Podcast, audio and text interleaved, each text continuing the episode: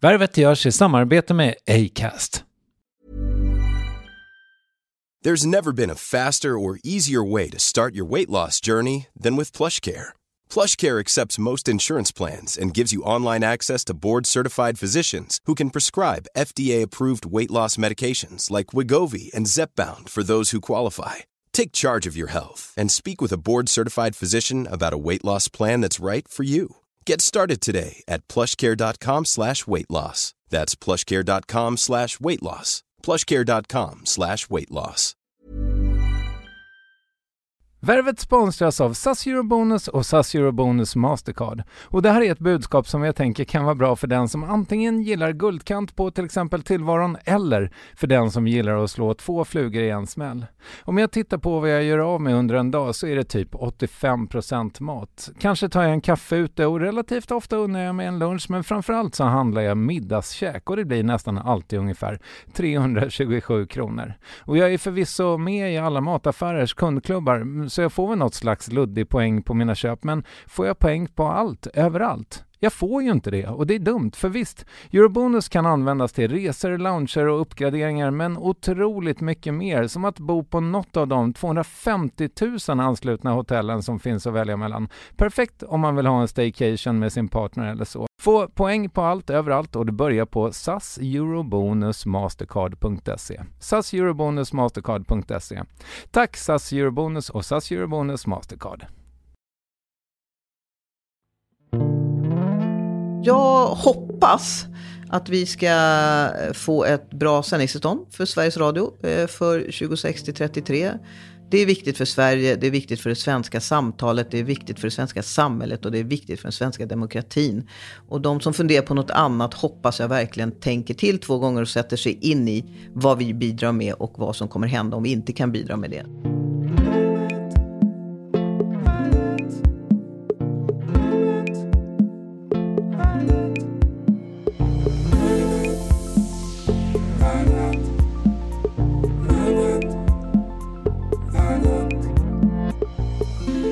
Hon är en av de största makthavarna, inte bara i medievärlden utan i hela landet. Och Cilla Benke har en lång rad chefspositioner på sitt CV, bland annat på Ekot, men är framförallt sedan 2012 Sveriges Radios VD.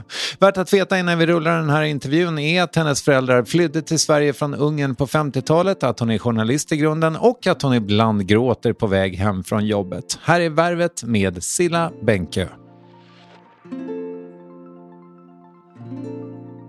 Nedskärningar, vänstervridning, strukturell rasism, säkerhetsbrister. Det är, otroligt vad mycket kritik man kan få som chef. Och jag är så nyfiken på vad det gör med en människa när den där kritiken liksom alltid ligger och lurar runt varje hörn. Ja, det är en jätteintressant fråga. Eh, nu har jag hållit på ett tag och det är klart att i början så tog man ju mer av kritiken personlig eh, än vad man gör nu. Eh, även om det såklart ibland är den ju fortfarande kanske riktad eh, mot mig som person. Oftast är den ju inte det. Oftast är den ju riktad mot mig som funktion. Och det gäller ju att försöka hålla isär där lite grann. Går det då? Eh, både ja och nej. Jag menar, det är klart att ena sidan av mig och försöker hålla huvudet kallt. Eh, och tänka vad finns det i kritiken? Framförallt på riktigt inte vifta bort den, utan ställa sig frågan, men finns det något i det här som ändå jag måste agera på eller har missat eller som vi faktiskt gör fel och, och, och borde ändra. Och, och, oftast finns det ju alltid något i allt, liksom så. Det är ju någonting ändå som, som triggar igång saker och ting. Och sen så finns ju den andra delen som är hjärtat och det kan man ju liksom aldrig riktigt bortse ifrån. Och det är klart att oavsett hur länge man håller på så, så har man ett hjärta och jag har ett ganska ömtåligt hjärta trots allt, även om folk inte alltid tror det. Vilket innebär att det är klart att ibland går man ju hem och känner sig ganska värdelös och, och, och ältar och tänker att de här som hojtar och tycker att man borde avgå imorgon, kanske har rätt och, och, nu vill jag inte hålla på med det här längre. Men, men någonstans så, dels har jag ett otroligt bra team runt omkring mig, eh, vilket jag tror är en förutsättning, faktiskt både på hemmaplan och på jobbet. Och jag tror att båda är en förutsättning för att man liksom ska ha ett sånt här jobb. Dels måste man ha en ledningsgrupp där vi är samsynk och samsnackade och, och driver företaget ihop. Och jag har varit otroligt tydlig med att vår företagsledning är inte ett antal individer som representerar sina delar av företaget, utan vår ledningsgrupp är ett gäng som gemensamt vill företagets bästa. Och ibland får man då ge efter på saker som man själv kanske hade velat driva för att det blir bättre för helheten. Och, och klarar man inte det så kan man inte sitta i Sveriges Radios företagsledning. Så jag, ta, jag har verkligen ett, ett jättebra gäng runt omkring mig och de plockar ju såklart också upp en och hjälper en i svåra lägen. Det är ju en förutsättning. Eh, och sen hemma har jag ju en fantastiskt bra backup. Jag menar, jag lever med samma man sedan jag var 22 och han, han kan en innan och utan. Jag har känt honom längre än jag liksom kände mina föräldrar, så det är klart han vet ju precis. Jag har en bra familj i övrigt, en, en väldigt fantastisk dotter som också backar upp och, och sådär. Så att, eh, och sen har jag mina barndomsvänner som inte bryr sig om vilket jobb man har, som, som ringer och, och stöttar om någonting händer. Så att det är klart att det gäller ju att man har bra krockkuddar också runt omkring sig, tänker jag. Mm. Kan du ge något exempel? För nu är det liksom, det är ju verkligen två delar som du sa. Det är liksom eh, personen och funktionen på något sätt. Kan du ge något exempel på, den, liksom, den, vad var det nu då, förstnämnda? Alltså det vill säga när det handlar om personen som du faktiskt eh, har tagit hem, som, som gör ont på riktigt. Nej men det är klart att när vi hade en diskussion om huruvida vi har en arbetsplats där man får vara olika. Eh, och där vissa tyckte att det inte funkar och att de inte fick gehör för sina tankar och idéer och inte heller blev bra behandlade. Det är väl kanske möjligtvis den debatten som har tagit mig personligen hårdast. Och det beror ju på att jag har den bakgrund jag har och alltid har liksom tyckt att det där är för mig en otroligt prioriterad och viktig fråga. Och, och en lärdom som jag väl drog där var att, men bara för att jag tycker det så är det inte så säkert att jag har lyckats få med mig alla på dels samma tankar och idéer och att man kanske också blir lite hemmablind. Att man liksom bara för att man själv vill så väl att det ska funka eh, så tror man också kanske att det funkar eller kanske inte tillräckligt mycket fångar upp signaler när det inte funkar tillräckligt snabbt och så. Därmed inte sagt att jag inte tycker att Sveriges Radio är ett företag där vi har extremt hög tolerans och verkligen jobbar på de här frågorna och eh, men, men, samtidigt så är det klart att, att, man måste alltid ställa sig frågan ändå. Eh, är det något eh, jag borde ha sett som jag inte hade sett? Och det är klart att jag har ju min bakgrund med mig och, och har ju mitt skal runt omkring mig i de här frågorna. Så är det ju. Den tog mig ju hårdast, absolut. Och där var ju en del av kritiken att eh, liksom absolut, eh, det finns människor med så att säga olika bakgrund, hudton, i, i fronten, men i chefsrummen så ser det extremt vitt ut. Och där, det är väl en sån förändring som jag menar, om du skulle bestämma dig att 30% av alla chefer ska ha X bakgrund om fem år. Jag menar, den typen av förändring måste ju också ta väldigt lång tid, för du kan ju inte sparka alla vit hyade så att säga. Nej, såklart att man inte kan det. Men för mig handlar det ju, och det var väl det som jag också, som, som jag känner att jag ännu mer kanske borde ha förmedlat och, och känt in. För mig har det aldrig handlat om hudfärg eh, eller etnicitet. Och sen kan jag förstå att andra tycker att det, det är viktigt och jag kan förstå, jag menar jag vet ju själv att när jag fick mitt första liksom, chefsjobb inom public service, då ringde det helt plötsligt en massa människor med en bakgrund från Ungern och, och var jättelyckliga över det och tyckte oj, vi har fått en ungrare på en hög position i, i, i svensk eh, media. Och så tänkte ju inte jag. Eh, jag. Och jag har liksom inte känt mig så, på det sättet, som en ungrare. Eh, och, och, det som är viktigt för mig är att, att man representerar ju faktiskt aldrig någon annan än sig själv. Däremot är det ju liksom inte oviktigt då att det finns väldigt mycket olika personer i ett rum med olika kompetenser och olika erfarenheter. Framförallt på ett företag som Sveriges Radio, där vi ändå har en stor makt över agendan och, och vilka ämnen vi väljer att ta upp och hur vi väljer att ta upp dem och så. Det tror jag är jätte, jätteviktigt. Sen kan det ju finnas folk där ute som däremot identifierar sig med mig. Och det är ju upp till dem att göra det. Eh, det bestämmer ju var, inte jag. Och jag kan inte heller förhindra att någon gör det. Och det är klart att det är viktigt att inse att de vi är på Sveriges Radio sänder ju också en signal ut mot allmänheten som gör att folk känner igen sig i, liksom, ja men det är de här som jobbar på Sveriges Radio, det är de här som, som finns till för mig, det, det är via de här som jag ändå får en stor del av min mediekonsumtion. Och ju fler man känner att man, man liksom ändå kan connecta till, desto bättre såklart. Och sen ser ju Sverige ut som Sverige ser ut och, och vi jobbar ju på, på, att få in många olika personer med olika kompetenser. Och då pratar vi om kompetenser brett. Och jag tycker att vi har en struktur för hur vi vill uppnå det genom att vi är ganska noga när vi kan rekrytera med hur vi rekryterar och inte liksom bara slentrianmässigt går ut och rekryterar exakt det vi redan har. Eh, men som sagt, som du själv säger, sen tar det ju tid. Mm. Men finns det någon sån, alltså eh, jag menar du är ju också mot kvoteringen som jag har förstått det. Ja, men jag, jag är väl liksom, jag vet inte, jag, jag vet inte. Jag brukar ju få kritik ibland för att jag inte heller vill säga att jag tycker att vi ska kvotera in kvinnor i styrelserummen, för jag tror liksom inte heller på det. Och jag vet inte om jag är väldigt färgad av att jag har ju själv varit i miljöer där jag inte eh, i alla fall känner att jag tror att jag har hamnat där för att jag har blivit kvoterad, utan för att jag är den jag är och gör ett bra jobb. Ja, men det var inte superenkelt att vara 21-årig tjej på Radiosporten på mitten av 80-talet, när vi kanske var tre kvinnor i hela Sverige som höll på med sportjournalistik, alla medier inräknat. Sen inbillar jag mig fortfarande att jag var där för att man ändå tyckte att jag gjorde ett bra jobb. Eh, sen kanske det var någon viss mått av att man ändå också insåg att det var bra att ha kvinnor på en sportredaktion som gjorde att jag kanske fick ett jobb före att en kille hade fått ett jobb med motsvarande kompetens. Men jag tror aldrig att jag hade fått jobbet om jag hade varit värdelös eller ens halvbra. Eh, så att jag tror ju också att det vi ska jobba på om vi pratar näringsliv i stort, det är ju att vi måste få in kvinnor på betydelsefulla positioner i alla led. Och då kommer det också att bli kvinnor i styrelserummen så småningom. Men jag ser ju själv, jag är ju inte som vd så bekänt av att ha folk i min styrelse som inte är tillräckligt mogna för att sitta i en styrelse. Och att sitta i en styrelse är ett jobb i sig. Och jag tycker i alla fall att jag som vd har större nytta när jag har folk i mitt styrelserum som har bred erfarenhet, som har varit med om många olika saker och som tar med sig olika kompetenser in i rummet. Och nu finns ju många kvinnor som gör det. Och eh, vi ser ju också att det blir fler och fler kvinnor. Men jag tänker att man kan inte hoppa över det operativa ledet. Eh, och så länge vi inte har tillräckligt många kvinnor på ledande positioner i de operativa leden, och det är ju inte så i alla branscher. Inom public service ser det ju bra ut, men det är ju inte så överallt. Eh, så det, har vi ett jobb att göra där först, och inte börja med styrelserummet. Det är väl mm. egentligen det som är min grej. Och hur, men hur ser det ut då? Alltså om man bara har de här diversifieringsglasögonen på sig, eller vad man ska kalla det för, hur, hur ser det ut i, i chefsleden? Hos oss? Mm. Eh, vi har fler kvinnor än män. Eh, ett tag höll vi på att få, många, få för många kvinnor, om det nu går att få för många kvinnor, men det är klart att det gör. För mig är ju liksom en jämställd arbetsmiljö en jämställd åt båda hållen. Eh, det blir inte bra om det blir för mycket av varken det ena eller det andra. Så just nu tror jag att det är om inte 50-50 så kanske 55-45, där det är 55 kvinnor och 45 män då, om mm. man ser på chefsleden. Och utländskt eh, påbrå så att säga? Det vet jag inte, för vi mäter ju inte det. Eh, och det tycker jag inte heller vi ska mäta. Det tycker jag är liksom en, en annan faktor. Eh, och eh, frågan är, vad är det, är det utländskt påbrå som är, är det viktiga, eller är det kompetenser som man har med sig från olika typer av uppväxtmiljöer.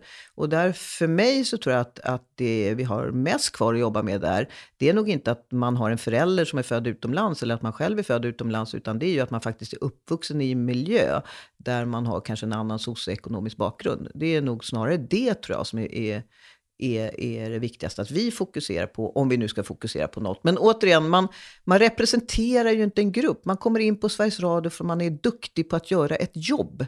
Eh, och sen måste vi vara bra på att leta på andra ställen än de traditionella ställena när vi rekryterar. Och det är vi ganska duktiga på. Så den kritiken kändes? Ja, den kändes. Mm. Eh, därför att jag kände att det här är ju så emot allt som vad jag själv tror på. Mm. så. Mm. Har du en terapeut? Nej, det har jag inte. Eh, inte en terapeut, men jag har alltid under hela min chefstid eh, haft kloka personer som inte är involverade i min vardag att prata med. Som varken står mig nära för att vi har familjeband eller vänskapsband eh, eller för att de är inne redan i Sveriges Radios verksamhet. Och det har jag haft av lite olika karaktär eh, genom åren. Just nu har jag både Eh, klok person med lång erfarenhet av chefsjobb som man kan liksom bolla med. Eh, och faktiskt en beteendevetare. Okej. Okay. Så något slags mentorer? Så det är, det är, två olika personer helt ja, enkelt. Ja, jag fattar. Men är det men, någon slags mentorer för dig? Nej, alltså jag vet bollplank. inte. Men, bollplank, ja. Eh, rådgivare som står fria att verkligen säga det de tycker utan att behöva ta annat hänsyn och som vill mig väl, så kan man väl säga. Eh, och som jag litar på till fullo. Och sen gör jag kanske inte alltid så som de säger, men eh, jag lyssnar ju såklart och, och väger in det i, i liksom, både när det är bra grejer och när det är dåliga grejer. Och eh, den personen som jag träffar som är beteendevetare, det handlar ju väldigt mycket om sånt här som hur hittar man balans i livet och eh, om man har jobbat väldigt mycket, vad finns det för knep att liksom ändå komma tillbaka upp på banan och hur läser man signaler om man är om man borde ta en paus fast man inte har riktigt tid att ta en paus och sådär. Mm. Har du varit eh, nära utbrändhetens rand? Nej, det har faktiskt aldrig varit. Jag brukar säga att jag tror inte att jag kan hamna där heller, men man ska väl inte vara för kaxig, det är klart att man kan. Däremot har jag varit otroligt trött. Eh, väldigt, väldigt trött. Jag menar, så är det Många timmar och många år och många svåra beslut gör ju såklart att, att man ibland är rätt sliten. Mm. När hade du senast en sån här riktigt jobbig period? Du, du, har ju varit lite ute i media och fått prata om ditt sparpaket till exempel. Var det en sån nattmanglingsvända? Eller? Nej, det, det, tycker jag ändå inte därför att jag känner i grund och botten att det är inte så konstigt att Sveriges Radio måste spara pengar även om det är olyckligt. Eh, alla måste spara pengar nästintill om man inte gynnas av en svag krona. Eh, och, och, det är ju inte bara inom media utan det är ju liksom inom, inom de flesta branscher.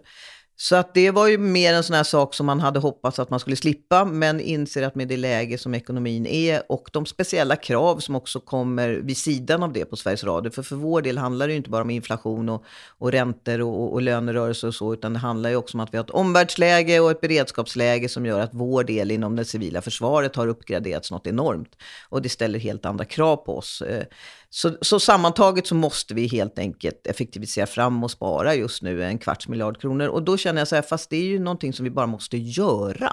Det är klart att det inte är kul eh, och det är klart att det finns en hel orolig organisation just nu att hantera innan vi har slagit fast exakt hur vi ska göra det.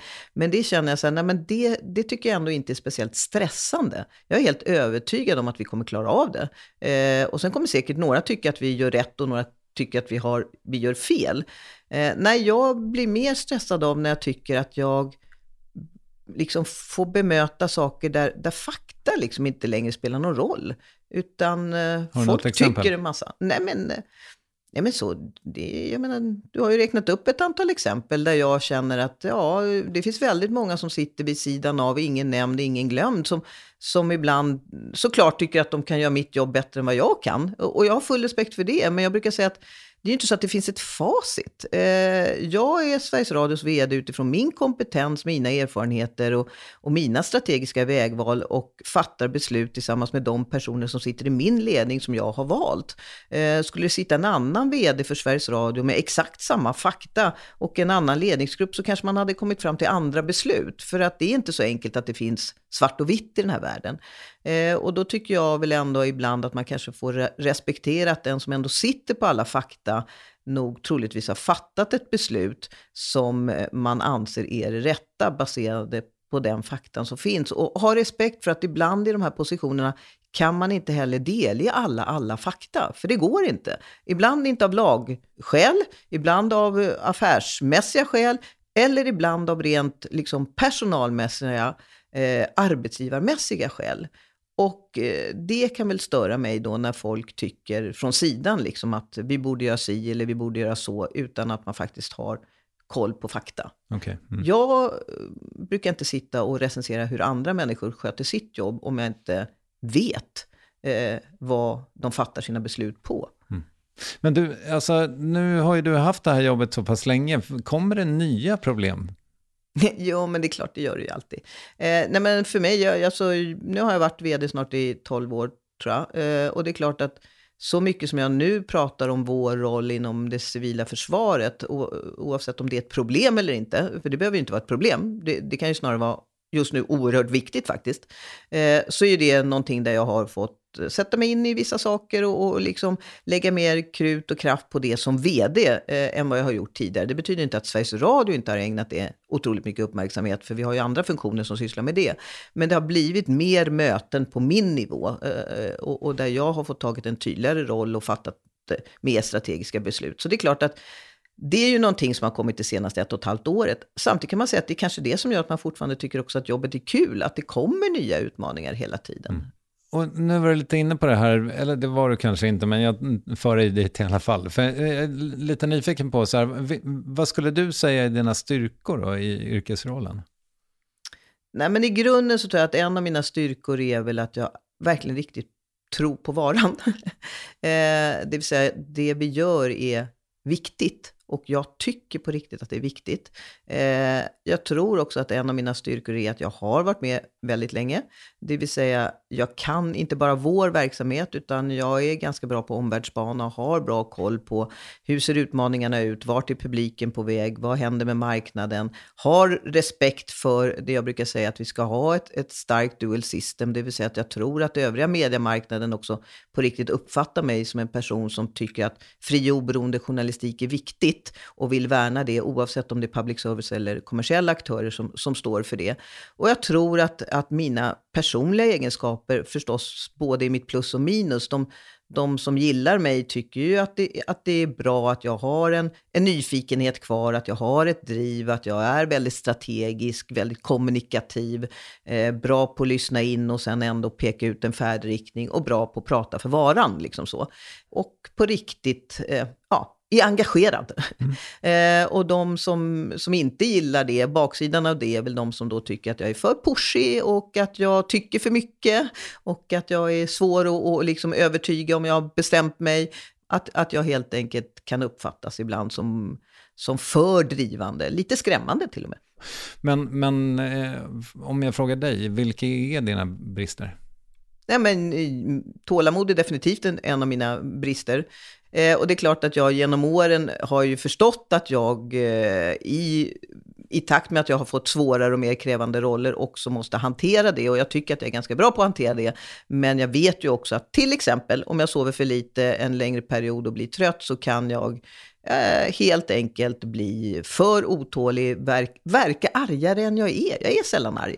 Men det är klart att det är inte så bra om, om folk som kommer in i ett rum uppfattar en som, som eh, skrämmande. Det vill man ju inte. Så det är en sak som, som jag eh, hela tiden måste tänka på, eh, framförallt om jag, om jag vet att jag är inne i en period av lite sömn.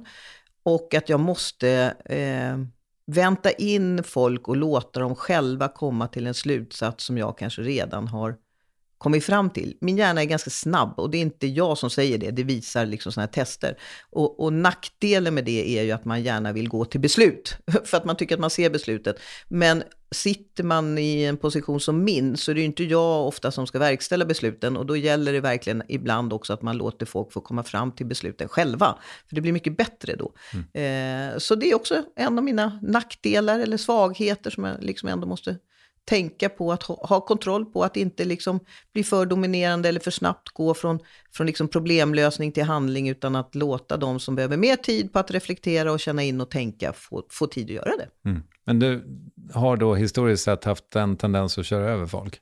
Nej, inte köra över folk, det skulle jag inte säga. Men kanske inte heller vänta in folk, eh, vilket ju... Jag tror sällan folk känner att de blir överkörda, faktiskt. Någon säkert, eh, och det har säkert också hänt. Jag menar absolut. Men, men det är nog snarare att folk kanske känner att oj, hon hade redan tänkt färdigt, vad fort det gick. Mm. Eh, så. Okay. Eh. Men vad, vad rör liksom, för jag antar att du i egenskap av chef, du måste hantera konflikter, kanske inte dagligen, men relativt ofta ändå.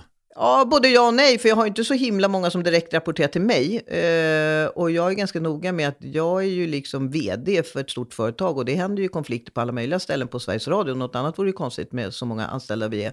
Och jag tycker ju att konflikterna i sådana fall ska hanteras där de är av närmast arbetsledare och chef. Jag hoppar ju inte in i alla konflikter liksom. Det gör jag definitivt inte. Och som sagt, jag har ett väldigt väl fungerande ledningsgruppsteam.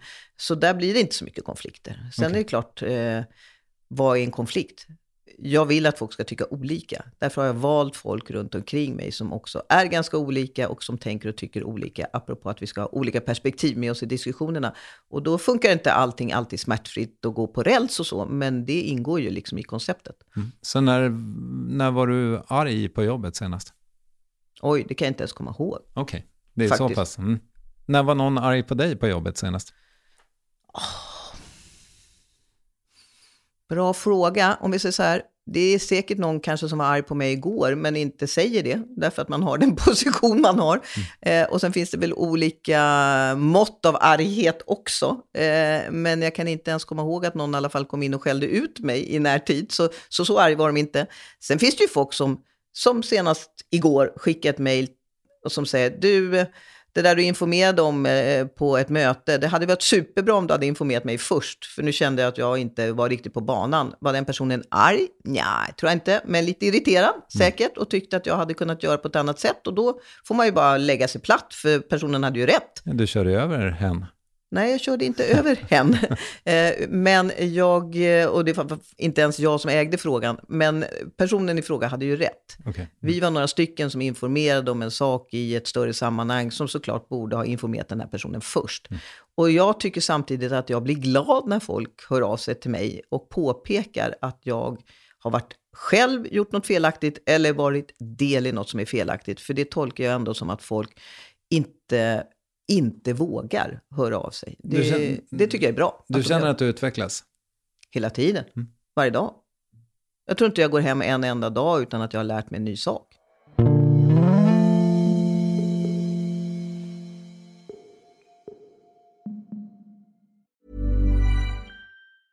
Many of us have those stubborn pounds that seem impossible to lose, no matter how good we eat or how hard we work out. My solution is plush care. PlushCare is a leading telehealth provider with doctors who are there for you day and night to partner with you in your weight loss journey. They can prescribe FDA-approved weight loss medications like Wagovi and Zepbound for those who qualify. Plus, they accept most insurance plans. To get started, visit plushcare.com slash weight loss. That's plushcare.com slash weight loss. Yes, ny sponsor. Värvet presenteras i samarbete med Svea Bank. Och jag menar inte att ta ner stämningen, men dessvärre är ju lågkonjunkturen här, vilket innebär att de flesta branscher har det tufft och också väldigt många privatpersoner. Jag vet själv vad det är att ha en trasslig privatekonomi. Det var struligt i många år för mig och låg ofta post i hallen med trista logotyper i ena hörnet och jag hade också i flera års tid ett helt gäng betalningsanmärkningar. Och tyvärr är det nog många som har det svårt att få ihop till räkningarna just nu, som har hamnat i ekonomiskt trubbel. Och det är här Svea Bank kan kliva in med något som kallas skuldfinansiering. Där löser de skulder hos inkasso och till Kronofogden och till och med om Kronofogden vill sälja ditt boende har Svea Bank möjlighet att hjälpa till.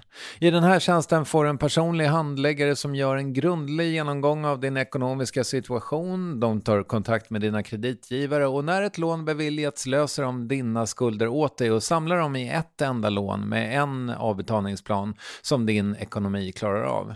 För om du har hamnat i klister, du är inte ensam och kanske kan det här hjälpa dig. På svea.com skuldfinans kan du läsa mer.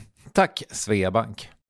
Eh, du, jag funderade på det här med eh, din vältalighet, den har ju slagit mig även den här gången du kan ju på något sätt hålla låda. Eh, alltså, ett, du verkar liksom aldrig söka efter ord. Hur går det till? Ja, en bra skola var kanske att jobba fem år på Radiosporten. Mm. Eh, jag brukar ju säga att det är det bästa stället att vara på om man ehm, ska jobba med radio, för man måste prata så mycket utan manus. Och det är klart, ska du beskriva någonting som sker framför ögonen för dig, Eh, Eh, i ett väldigt snabbt skede, som det ändå är, om du sitter till exempel ute på en arena eller är i en, en, eh, leden, en, ett sportextra i en radiosportstudio, eh, och du samtidigt inte har hjälp av bilden, utan ska förmedla någonting till folk så att de kan skapa sina egna bilder i huvudet, då kan man ju inte sitta och fundera på vad man ska säga hela tiden, för då blir det ingen bra radio. Eh, så där lär man sig ju såklart en teknik, men Sen har jag alltid gillat att prata och kanske ibland till och med för mycket. Eh, så. Eh, så att eh, det har väl aldrig riktigt varit mitt problem och jag är väl född så, mm. tänker jag. Men du, det, liksom, på, när du jobbade på Radiosporten, då var du liksom ute och refererade bandymatcher och sådär, eller? Mm, inte så mycket bandy, mest handboll, för att det var det jag liksom själv hade spelat. Och sen helt plötsligt fick man göra isracing eller något annat som man inte var så duktig på. Men, men, nej, men det gjorde jag. Och sen så var jag ju vanlig reporter och så var jag ju studiereporter. Och, och det är ganska svårt att vara studiereporter för ett Sportextra på en söndag med åtta arenor i öronen som om man ska välja vart man ska in. Så man måste ju på något sätt lära man sig också ha lite split vision, att, att liksom både lyssna och förstå vad som pågår och samtidigt fatta beslut mm. eh, så att man kan, kan göra rätt eh, värderingar och, och, prioriteringar. Nej, men så är det väl. Eh, men, men det kanske är för att jag alltid har gillat att prata som jag också sökte mig till radio, tänker jag. Det, det finns väl någon kombination där. Det låter väl rimligt. Men finns det några situationer där du faktiskt eh, inte hittar ord eller blir liksom jag fattar att om jag nu ställer en fråga, då är du, är du 18 år. Men jag menar, bara, finns, det, finns det områden som du inte bottnar i, som du känner så här, nej men här har jag ingenting att tillföra? Ja, det är klart det finns massa med ämnen där jag inte har någon sakkunskap att tillföra. Men det är klart det jag alltid känner att jag har eh, att tillföra och som är viktigt att jag också gör i den roll jag har, det är att ställa frågorna. Eh, och det gör ju att det aldrig blir helt tyst. Eh, och det är klart att återigen, jag tror att när man sitter i en sån här roll och har 15 års erfarenhet av att jobba med nyheter och är journalist i, i botten, jag är ju inte en Eh, jag kanske inte skulle kunna vara vd för vad som helst. Eh, nu är jag vd för Sveriges Radio som är ett journalistiskt företag och jag har ändå den journalistiska kapaciteten och i den journalistiska kapaciteten ligger ju ändå att lyssna och sen ställa logiska följdfrågor. Det ingår ju i jobbet så att mm. säga. Och det är klart att det gör ju jag även i mina funktioner nu. Eh, så när vi pratar om svåra tekniska frågor till exempel, som absolut inte är min hemmaplan, men Sveriges Radio är ju ett väldigt techdrivet företag nu för tiden, så har jag ju den journalistiska förmågan att ändå läsa mellan raderna och, och ändå förstå, okej, okay, vad är den logiska frågan här för att vi ska få ännu mer fakta och kunna komma fram till ett beslut. För ibland måste jag ju fatta beslut om väldigt svåra saker, så är det ju, som jag inte har någon specialkunskap kring. Nu måste ni snart köpa tusen nya mixerbord, eller vad fan ni kan tänka Ja, vi måste framförallt ha ett helt nytt radioproduktionssystem, absolut. Mm. Och då är det klart att då finns det ju massa saker som jag inte behärskar. Eh, men där jag ändå förstår att eh, ytterst måste jag ändå vara med på banan och fatta de här besluten, för det är stora, dyra investeringar. Och då tror jag att man är hjälpt av att man ändå har i sin tidigare yrkesroll ändå lärt sig och, vara ändå en hyfsat bra journalist i, i förmågan att kunna ställa frågor, lyssna och ställa frågor. Men du, är det inte svårt? Jag, ehm, jag menar, du är ju på toppen av isberget så att säga, men är det inte jättesvårt att vilja liksom detaljstyra? Hur, alltså, hur håller du det, fingrarna i styr där? Men jag vill inte detaljstyra. Men jag vill kan, ha helikopterperspektivet. Det vill jo, säga, men hur kan du inte liksom vilja, så här, om någon kommer med en programidé och jag antar att den i alla fall passerar dig? Nej, det gör okay. den inte längre. Okay. Eh, vi är ett så stort företag och vi producerar liksom 140 000 timmar radio om året och på det ett antal on demand-titlar, alltså poddar och nyhetsklipp och så. Eh, mycket passerar absolut inte mig. Okay. Verkligen inte. Så att, sen är det såklart, har du jobbat som journalist själv på samma företag ett antal år, så klart att du har tankar och idéer om publicistik. Eh, men då för ju jag ju dem, framförallt just nu med, med programdirektör och andra som har ändå som uppgift att liksom vidareutveckla vårt innehåll hela tiden. Och där har jag alltid en möjlighet när vi vill göra större nya saker att skjuta in mina åsikter. Men det är också väldigt tydligt att mina åsikter är mina åsikter. Ibland får jag gehör för dem ibland får jag inte gehör för dem. Mm. Okay. Men du har i alla fall varit chef i, om jag har räknat rätt, lite över 25 år nu. Ja, första chefsjobbet fick jag 96. Mm, ja, och nu är jag är jättedålig på matte, men det är väl ungefär 27 år sedan. Ja, eh, ganska precis. Ja, eh, och sen har det ju liksom bara varit det sedan dess. Ja, fast jag har ju varit väldigt olika chefsroller. Jo, förvisso. Men vad, vad drog dig till att bli det då? Eh, jag fick en fråga, om man ska vara helt krass. Eh, jag var gravid eh, och skulle få mitt barn. Och det var väl lite olika saker som dök upp där, varav frågan om jag ville leda, bli chef, arbetsledare för ekonomireporterna på Ekot var en. Och jag tyckte att det var någonting som var spännande att, att, att testa. Och eh, Kerstin Brunberg som då var min chef trodde också väldigt mycket på mig och sa, som jag brukar referera till, kloka saker, nämligen att om man väljer det spåret så måste man inse att att vara chef är ett jobb i sig, eller att arbetsleda. Eh, det är ju förvisligen bara en, en, titel på ett papper också, ska man komma ihåg. Eh, ska man leda folk så handlar det ju om ledarskap snarare. Man kan ju vara en urusel chef och inte komma någonstans.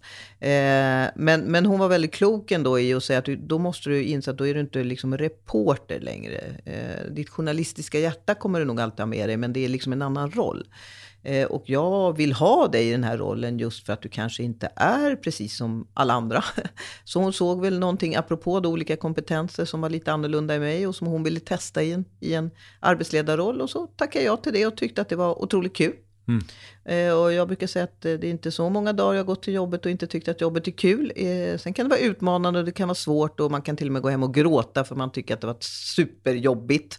Eller något har varit väldigt orättvist. Men i grunden så tycker jag att jobbet är kul, annars så orkar man inte hålla på. När, när grät du senast över någon jobbgrej? Över någon jobbgrej?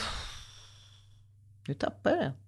Nej, jag vet inte. Jag måste fundera. Eh, nej, men jag tror att bara, det var väl för några veckor sedan jag var jättetrött över något och så kom något nytt problem in från sidan och så bara, ja, jag tänkte nej, Mm. pallar inte en grej till och så Hjälp, jag skvätt. hjälper det dig? Mm, men jag har också hjärtat väldigt nära tårkanalen. Så Okej. att jag kan gråta av många anledningar. Både när jag är arg och när jag är trött och när jag är glad. Så att, Jag fattar. Jag vet att, för du pratade någonstans om att du ehm, ja, men tidigt i din karriär gjorde misstaget att skälla ut en kollega inför mm, de andra kollegorna. Ja, precis. Ehm, är det där ett trauma för dig?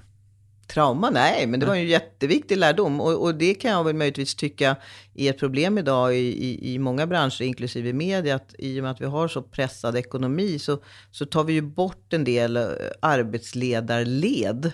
Eh, vilket gör att man inte kanske har samma möjlighet att göra de här missarna eh, tidigt.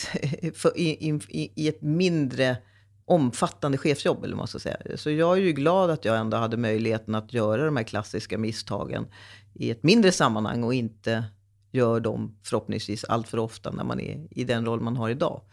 Eh, Så är det ju. När skällde du ut någon senast då? Ja, men det gör, jag skäller inte ut folk. Inte sen 96 då? Nej, inte skäller ut någon. Sen, sen är det såklart att, återigen, folk kan uppfatta att jag är, blir icke-nöjd och irriterad. Och märker jag att jag blir det på ett sätt som folk tar illa vid sig, då plockar jag upp den tråden. Men det är inte så att det händer varje vecka eller varje månad heller. Mm. Är du bra på att be om ursäkt? Ja, det tror jag. Och det behövs ibland? Ja, men det behöver väl alla ibland. Eh, jag tänker att det är väl kanske annars klassiskt något vi är lite dåliga på. Eh, nej, men det är klart, alltså i mitt jobb med den pressen, med de timmarna man lägger ner, med de svåra beslut man ska fatta och med de liksom omfattande saker som man håller på med, så är det klart att man ibland gör fel. Något annat vore ju totalt omänskligt. Eh, och märker man att man gör fel så måste man ju våga erkänna att det är så. Och har man sårat någon så måste man våga erkänna att det är så också. Och det är klart att man ska be om ursäkt. Det tycker jag är ganska självklart. Mm. Du, ehm, någonstans tror jag att du sa att du var väldigt osäker på om du var bra nog för att bli chef. Um, att det fanns någon slags osäkerhet där i början. Men jag är så nyfiken på hur avgörs det? det för det känns som en så luddig, liksom, det, det går liksom inte riktigt att mäta. Eller? Mm, nej, det är klart att det inte går att mäta, men jag tänker att ja, det kanske låter förmätet, men om jag inte var bra nog, då hade jag nog inte haft det här jobbet så himla länge. För då hade ju någon bett mig att sluta. Eh, och eh, det är ju inte så att jag har suttit med samma styrelse alla åren och de verkar ändå hyfsat nöjda. Eh, så att, eh, och eh, det är klart att det återigen finns medarbetare på Sveriges Radio som säkerligen skulle vilja ha en annan vd. Men jag uppfattar ändå att när jag rör mig runt i företaget, vilket jag gör mycket och ofta, eh, så känner jag att jag får bra respons och bra uppbackning också av medarbetare och jag får gulliga mejl ibland och sådär. Eh, så jag känner väl att merparten tycker nog ändå att de har en vd som försöker göra ett bra jobb för dem.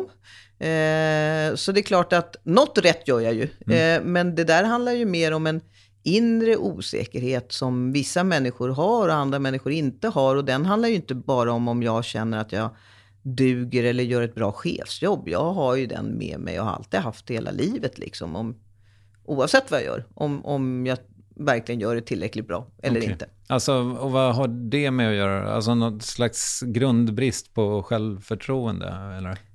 Självförtroende eller självinsikt, det är ju lite olika saker. Eh, nej men jag tror, det kan vara så enkelt att jag alltid har liksom, jag började skolan ett år tidigare än alla andra. Eh, jag har väl kanske alltid haft liksom lite det här att jag har känt att jag har behövt bevisa att jag duger eller har rätt till den platsen som jag har, om man säger så. Det är klart, är du ett år yngre än alla andra i skolan så, så, så är du ett år yngre än alla andra i skolan. Är du en av få tjejer som bevakar sport på mitten av 80-talet så är du en av få tjejer som bevakar sport på 80-talet och så vidare. Eh, så att det är väl hela tiden det där, men samtidigt kan jag tänka att det kanske är en anledning till att jag har det här jobbet idag. Det är kanske en av mina starka drivkrafter också. Att jag inte lämnar saker och ting eh, åt slumpen. Att jag faktiskt lägger ner den tid som behövs för att göra jobbet så bra jag kan. Eh, ska jag hålla en, en dragning i offentligheten, även om jag har gjort det hundra gånger innan, så är det inte så att jag bara går upp där på scenen och tror att det fixar sig. Jag lägger ner ganska många timmar på att förbereda.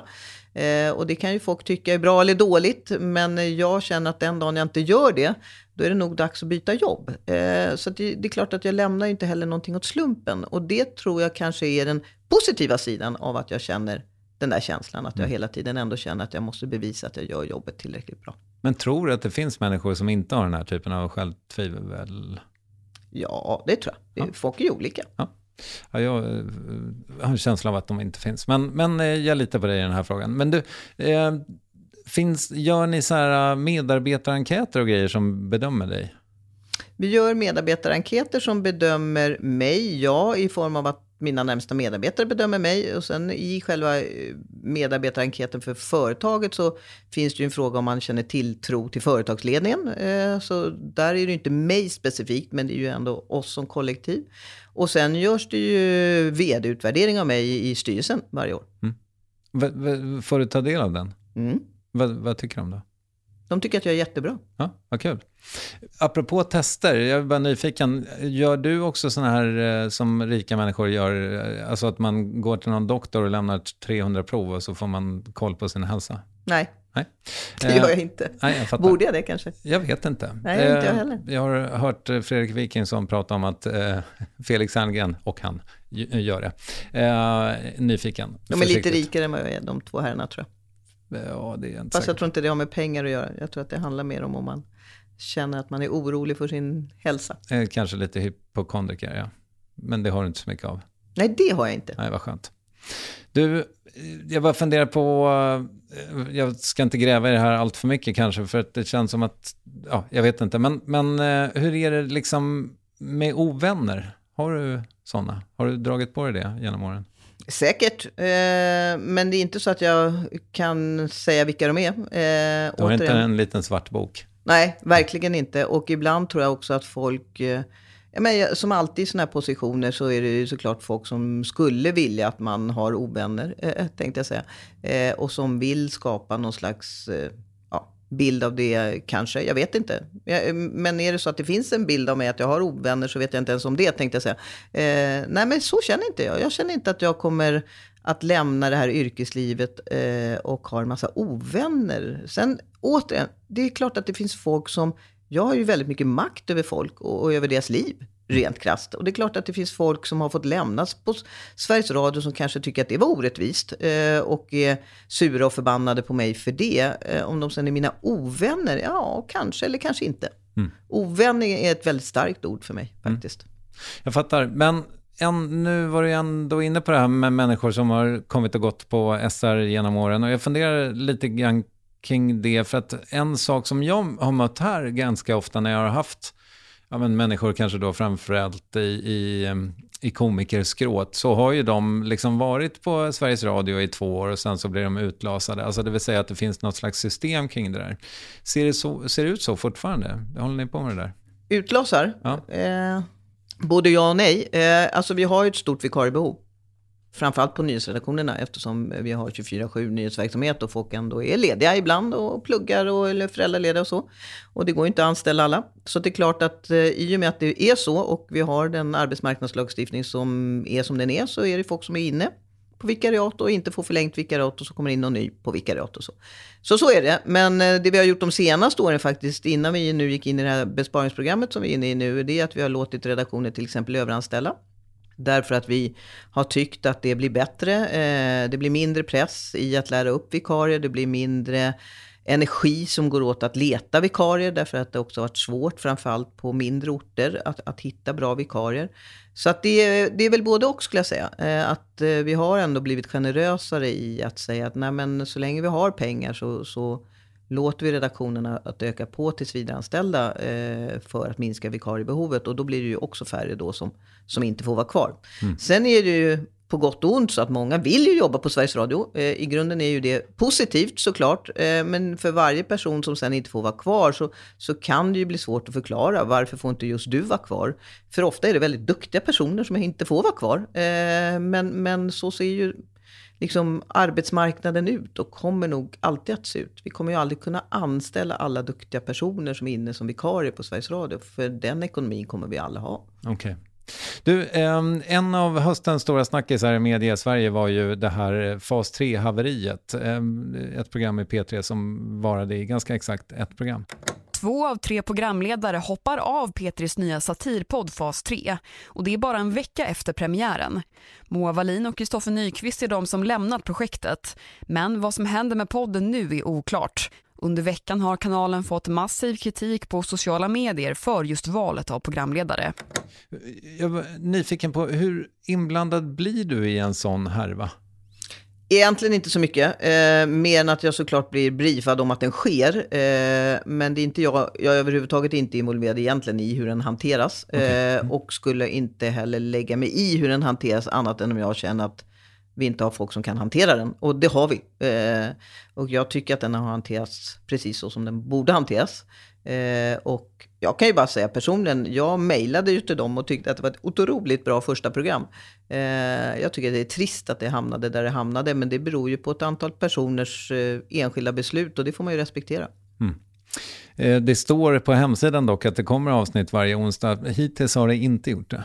Ja, det står så. Okej, okay, ja, då kanske, får vi kolla det. Ja, kanske lägga upp. Men det kommer nog komma några fler avsnitt, okay. det tror jag. Ja, vi får se. Byter ämne tvärt, men måste ett land ha public service? Inget land måste ha public service. Men all forskning visar ju att det blir bättre om ett land har public service och inte bara har public service utan har ett starkt public service.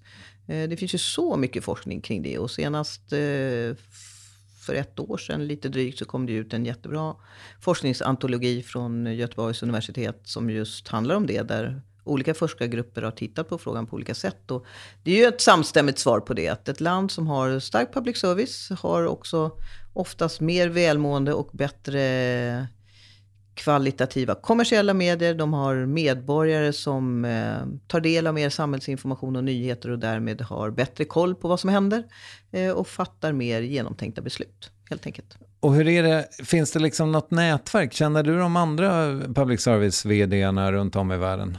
Ja, det finns ju ett samarbetsorgan som heter EBU. Okay. Mm. Eh, och eh, där ingår ju alla public service-bolag, radio och tv. Eh, i... Det låter i och för sig som att det är European va? Eller? Ja, European Broadcasting Union. Eh, sen har vi eh, inom det ett, ett, ett, lite större nätverk, för det finns associerade medlemmar också, så man måste inte vara europeiska för att vara med. Och därom finns det mycket diskussioner. Det var ett beslut som fattades långt innan min tid, att utvidga den där kretsen, vilket innebär att det är klart att i, idag, i dagsläget finns det en del länder med som, som kanske inte jag tycker har klassisk public service, men, men så är det.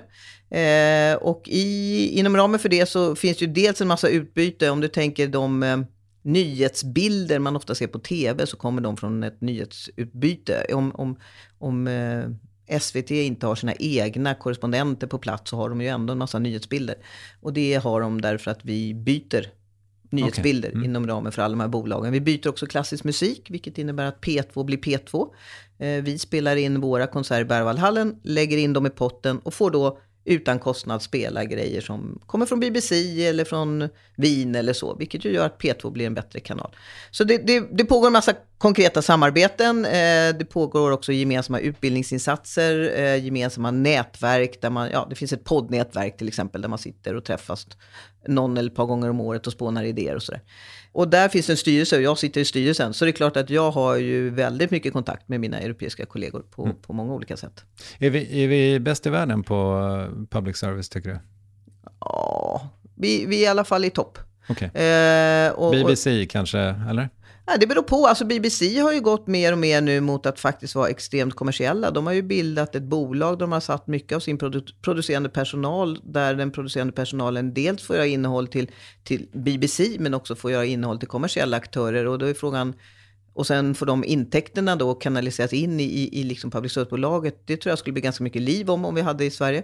Eh, så jag brukar inte jämföra mig så mycket med BBC längre. Dels för att jag tycker att de faktiskt har ändrat lite en, en, en inriktning på sitt bolag, men också för att de är så gigantiskt mycket större och har ju så ex, extremt mycket mer resurser. Men jag, och jag vet att inte, det finns ju många som inte håller med mig här, men det finns några som faktiskt håller med mig här också. Vi har gynnats i Sverige av att vi har olika bolag för radio och tv. Det gör att SVT ligger extremt långt framme eh, när det gäller att tänka nya format. De var ju bland de första i världen med ett play till exempel och har ett väldigt framgångsrikt play. De har också eh, liksom eh, är väldigt duktiga på att tänka nya format när det gäller videokonsumtion. Eh, och vi är, utan att skryta, bland världens bästa radiobolag. Jag menar, så är det på, på alla sätt och vis. Både när det gäller formatutveckling och när det gäller effektivitet och när det gäller teknisk utveckling. Eh, och det är klart att det finns en fördel av att det finns liksom två bolag som, som fokuserar istället för att alla försöker göra allt. Mm. Grattis! Inte grattis till mig, grattis till svenska folket skulle jag säga. Vilka människor är viktigast för dig på, på liksom en daglig basis så att säga? Absolut viktigast är min dotter. Mm. Hon är min ögonsten. Mm. Näst viktigast, vilket han redan vet, är min man.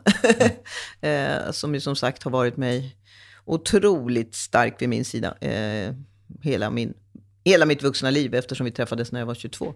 Hur får man ett äktenskap att hålla i 40 år? Respekt tror jag. Eh, eh, respekt för att vi är olika eh, som personer och vill kanske ibland olika saker. Men i grunden har samma syn på vad som är ett bra äktenskap, vad som är en bra familj, vad vi vill med våra liv, vad vi tycker är kul när vi är lediga. och så. Jag tror aldrig vi har haft en lördag eller söndag där vi har liksom blivit oense om vad gör vi idag. Där är vi väldigt lika. Vad gör ni då? Fast vi som personer är väldigt olika. Ja, men vi älskar båda att resa eh, och gör det väldigt mycket. Och det finns många delar kvar av världen att se. Eh, vi är båda väldigt eh, lika i att vi vill vara ute mycket, gå. Vi kan gå 4-5 timmar på en lördag eller en söndag. Eh, och bara prata och hitta något bra fik efter halva promenaden och så gå hem igen. Eh, vi gillar att ha kompisar på middag eller gå bort till folk på middag. Vi gillar att gå på bio. Vi gillar att hänga i soffan och titta på en tv-serie. Alltså ganska simpelt vanliga saker tänker jag. Ja, jag fattar. Eh, reser ni miljövänligt eller flyger ni bara kors och tvärs? Vi reser både och. Mm. Eh, vi flyger inte bara kors och tvärs. Eh, men eh, det är klart att vi flyger en del. Absolut, det gör vi. Okej. Okay. Hur känns det? Men, det är ingen som har missat klimatdebatten, inte heller jag. Men ibland så tänker jag också att ja, fast till vissa ställen flyger man och till vissa ställen flyger man inte. Du fyller ju jämnt i vår. Mm, tack för påminnelsen. Mm. Hur, vad, tycker du att det är jobbigt? Ja, det är inte något jag ser fram emot. Nej, okej. Okay. Ehm, varför inte? Nej, men det tror jag hänger ihop med flera saker. Dels att, att jag vet inte, 50 tyckte jag inte var så mycket, 60 tycker jag faktiskt är ganska mycket. Eh, och jag känner mig inte som 60, annat än ibland, ska jag ärlighetens namn säga, när jag tittar mig i spegeln. Eh, de där dagarna man har absolut sovit för lite så, så, känner man nog sig som 60 plus. Men nej, men skämt åsido, jag vet inte, för mig handlar det väl också om att jag älskar att jobba eh, och tycker att det är fantastiskt kul. Och inser att jag kommer ju inte vara vd för Sveriges Radio till jag blir 75, det tror jag inte eh, i alla fall. Eh, och, Men du skulle kunna vara det tills du blir 70, eller? Jag tror inte det skulle vara bra.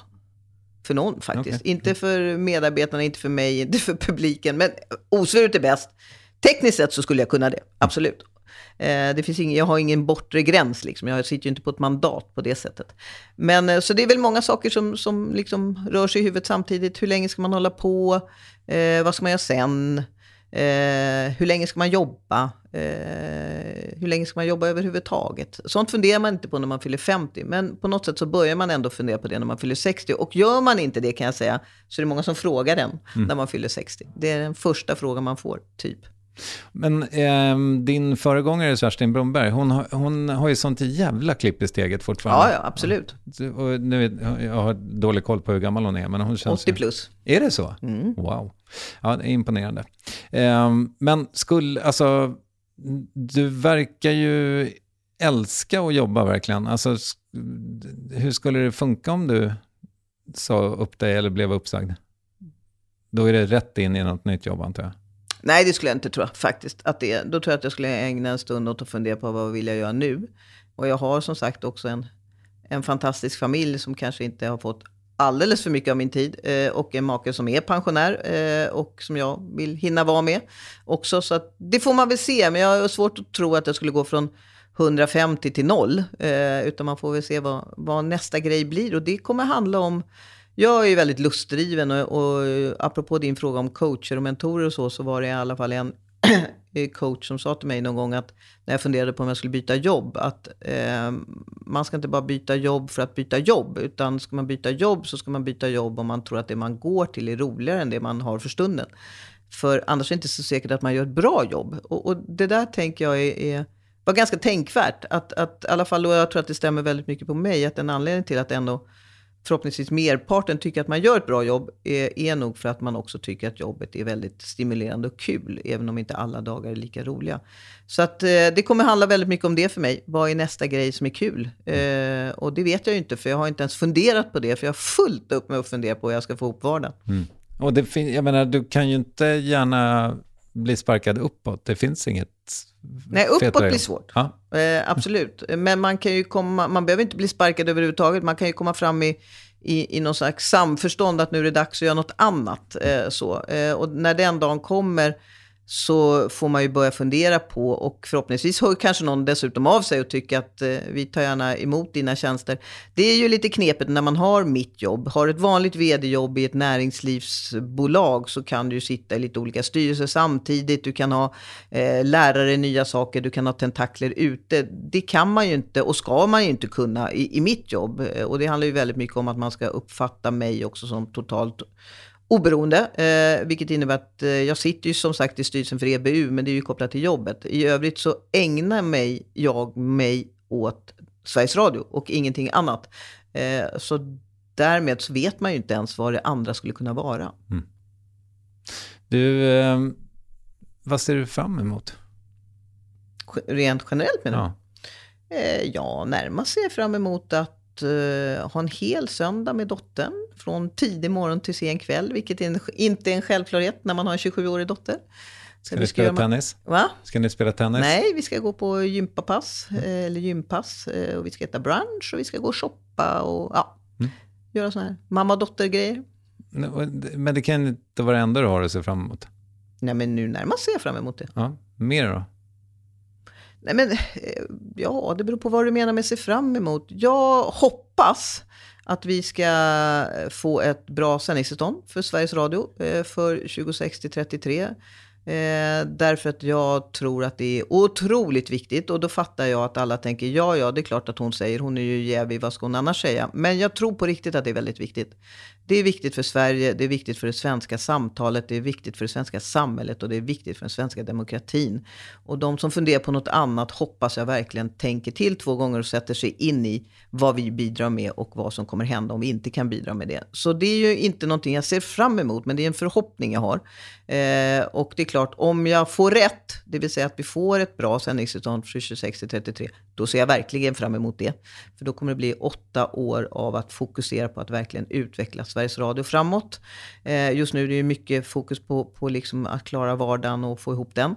Eh, och sen så, så ser jag fram emot när vi ändå har landat det här besparingspaketet av många skäl. Dels för att det just nu tar fokus från andra saker eh, och för att det skapar oro för enskilda medarbetare därför att de inte riktigt vet hur de berörs och om de berörs. Och det är klart att ju snabbare vi kan liksom stänga den dörren, desto bättre. Så det ser jag fram emot. Eh, jag ser fram emot att eh, nästa helg få åka till Palma i fyra dagar och koppla av lite. Så det finns ju många saker jag ser fram emot. Men mm. närmast så ser jag fram emot min söndag med dottern. Vad härligt.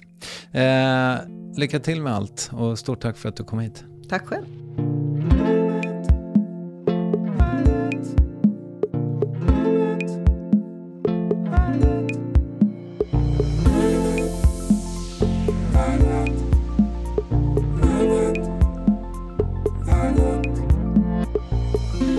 Yes, Silla Bänke. Och om du nu funderar på om det finns något sätt att få ut lite mer av Värvet men känner dig vilsen tänkte jag berätta att Värvets Instagram är bättre än någonsin enligt oberoende experter. Så missa inte det. Att Varvet. Ninni Westin, Kristoffer Triumf och Acast tackar så hemskt mycket för visat intresse. Jag hoppas att vi hörs snart. Hej!